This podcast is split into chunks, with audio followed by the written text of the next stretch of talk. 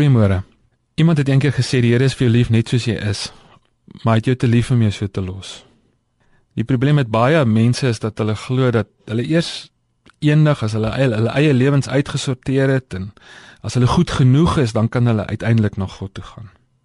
Die vraag is, hoe gaan jy jouself uitsort sonder God? Die boodskap van Jesus was heel anders.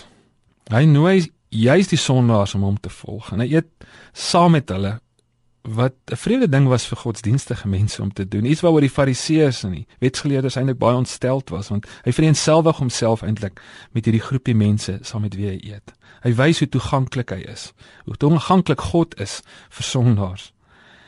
Jesus was eintlik dwars deur die vier die evangelies iemand wat 'n groot probleem gehad het met die godsdienstiges is met die sondaars. Hy het verskriklike deernis gehad vir vir sondaars, die klassieke tipiese sondaars van sy tyd lees jy die evangelies, kom jy agter dat niemand nog ooit te sleg was vir Jesus nie.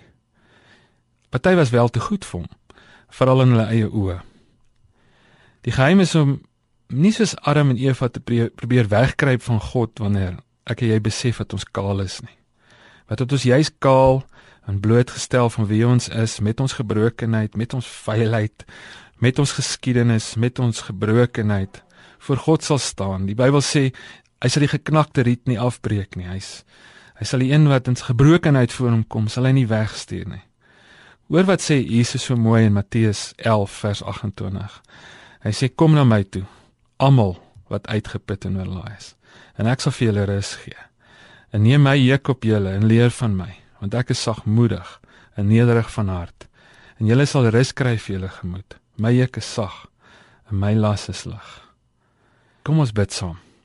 Here baie dankie dat ek na U toe kan kom net soos wat ek is. Dat U die een is wat my lewe verander.